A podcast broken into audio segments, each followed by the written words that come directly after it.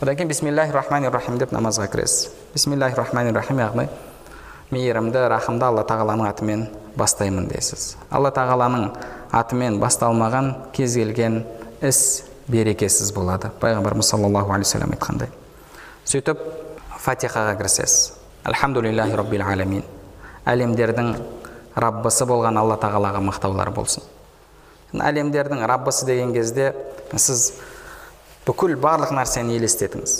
Қандай сіз білетін үлкен нәрселер бар қандай күшті нәрселер бар. Мысалы біздің осы дүниенің өзі ғұламалар зерттеп не деп жатыр? Мысалы бір жұлдыз бен екінші жұлдыздың арасының ара қашықтығы мынанша дейді оның үлкендігі мынанша дейді. Енді осы бүкіл әлем алла тағала жаратқан курсидің жанында шөл далада құмның құмда жатқан бір жүзікке ұқсайды. Осы бүкіл планетаның барлығы. Сол курси аршының жанында тура сондай. Яғни сондай ұлы нәрселердің барлығының раббысы алла тағала сіз альхамдулиллахи роббил алемин деген кезде алланың қаншалықты ұлы екендігін жүрегіңізде сезінуіңіз қажет. Ең майда нәрседен бастап ең үлкен нәрсеге дейін барлығы алла тағаланың жаратылысы алла тағала сол нәрселердің барлығының раббысы. Альхамдулиллахи роббил алемин ар рахмани рахим ол алла мейірімді рахымды. Алланың мейірімді рахымды деген екендігін оқыған кезіңізде алланың сізге беріп жатқан бүкіл жақсылықтарын нығметтерін есіңізге алуыңыз қажет. Соны сезінуіңіз керек жүрегіңізбен. Алла тағала мұсылмандарға иншалла бұл дүниеде де рахим бұл дүниеде де иншалла оларға мейірімді рахымды және ақиретте де. Енді кәпірлерге байланысты ғұламаларымыз айтады ғой рахману дуния ва рахимул ахира алла тағала бұл дүниеде рахман ақиретте мүминдерге иман келтіргендерге рахим дейді алла субханала тағала сізге дінді берді ме хидаятты берді ме онда алла, алла субханала тағала сізге ең үлкен мейірімділікті жасады ең үлкен бақытты берді ең үлкен жақсылықты берді бұл өзін тану өзіне иман келтіру басыңызды сәждеге қою. Бұл алла субханала тағаланың сізге көрсеткен ең үлкен мейірімі ең үлкен жақсылығы. Оның жанында басқа еш нәрсе яғни басқа нәрселердің барлығы еш нәрсе болмай қалады. Алла субханала тағала сол алты миллиард адамның ішінен сізді таңдап өзіне құлшылық ететіндерден етті ме? Бұл сіз үшін ең үлкен бақыт. Алла субханала тағала құран кәрімде кім тозақтан ұзақтатылып жәннатқа кіргізілетін болса жәннатқа кіретін болса міне осы шынайы жетістікке қол жеткізген адам дейді. Яғни алла субханала тағала сізге жеңістің ең үлкенін беріп жатыр бақыттың ең үлкенін беріп жатыр.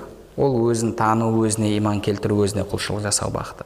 Ар рахмани рахим деген кезде яғни сіз осы ең ұлы нығметті сезінуіңіз қажет. Одан басқасының барлығы болмашы нәрсе. Али радиаллаху анху айтқандай шынайы байлық шынайы кедейлік ертең алла тағаланың алдындағы есептен кейін болады деді. Алла тағаланың алдындағы есептен кейін болады. Одан алдыңғы бақыт байлық мансап оның барлығы болмашы нәрсе.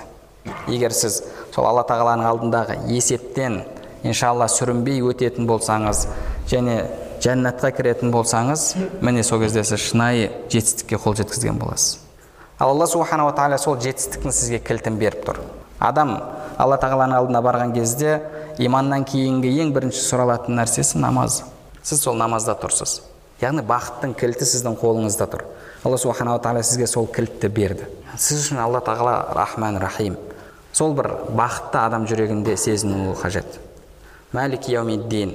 Сол мейірімді рахымды алла қиямет күнінің патшасы. Ертең қияметте сізден есеп алатын сізге сауап күнәні беретін алла субханала тағала ондай болатын болса сіз бұл дүниеде алланың разылығын іздеп өмір сүруіңіз қажет адамдардың разылығын емес себебі біз қазір айтып кеткендей шынайы бақыт шынайы бақытсыздық бұл ертең алла тағаланың алдындағы есептен кейін болады ал сол күннің патшасы алла тағала ондай болатын болса сол алланың разылығын іздеп адам өмір сүруі қажет яғни мәлик яумиддин деген кезде осы нәрселерді адам жүрегінен өткізуі қажет. Саған ғана құлшылық жасаймыз сенен ғана жәрдем тілейміз. Яғни алла тағала әлемдердің бүкіл әлемдердің раббысы болса алла мейірімді рахымды болатын болса сіздің пайда зияныңыз рызық несібеңіз алланың қолында болатын болса қиямет күнінде ертең жәннаты тозақы болуыңызда жұмақтық немесе тозақылық болуыңызда алла тағаланың қолында болатын болса онда кім құлшылыққа лайық? Алла тағала құлшылыққа лайық. Және жәрдем тілеуге кім лайық? Алла тағала лайық. Сол үшін де деп осыны біз жүрегімізден тағы да бір өткізуіміз қажет. Алла тағала әлемдердің раббысы болса мейірімді рахымды болса қиямет күнінің патшасы болатын болса жалғыз құлшылыққа лайық жәрдем тілеуге лайық өзі болатын болса енді осының барлығын жүрегімізден өткізгеннен кейін онда алла тағаладан не сұраймыз? Алла тағаладан дүние сұраймыз ба мансап сұраймыз ба? Алла тағаладан бұл дүниенің болмашы бір нәрсесін сұраймыз ба? Не сұраймыз? Ең адам үшін маңызды болған нәрсені сұраймыз. Ол бұл дүниеде тура жолда болу. Сол үшін де е алла бізді өзіңнің тура жолыңа баста дейміз тура жолыңа баста ол жолда кімдер жүріп бара жатыр ол кімдердің жолы сенің нығметіңе бөленгендердің жолы алланың нығметіне бөленгендер кімдер алла субханала тағала ол жайында айтады أولئك الذين أنعم الله عليهم من النبيين والصديقين والشهداء والصالحين алланың нығметіне бөленгендер олар пайғамбарлар шыншылдар шәһидтер ізгі адамдар міне осылар алла тағаланың нығметіне бөленген адамдар. Яғни біз алла субханала тағаладан сол өзінің нығметіне бөленген пайғамбарлардың ізгілердің шәһидтердің жолын сұраймыз. Ол жолды сұрағаннан кейін сол жолда жүруге әрекет ету қажет. Біз кімнің жолында кетіп бара жатырмыз? Кімнің жолында кетіп бара жатырмыз? Пайғамбарлардың жолында ма? Пайғамбарлар қандай еді? Пайғамбарлардың жолында жүріп бара жатсақ жүріп бара жатырмыз деп ойласақ пайғамбарлар қандай еді?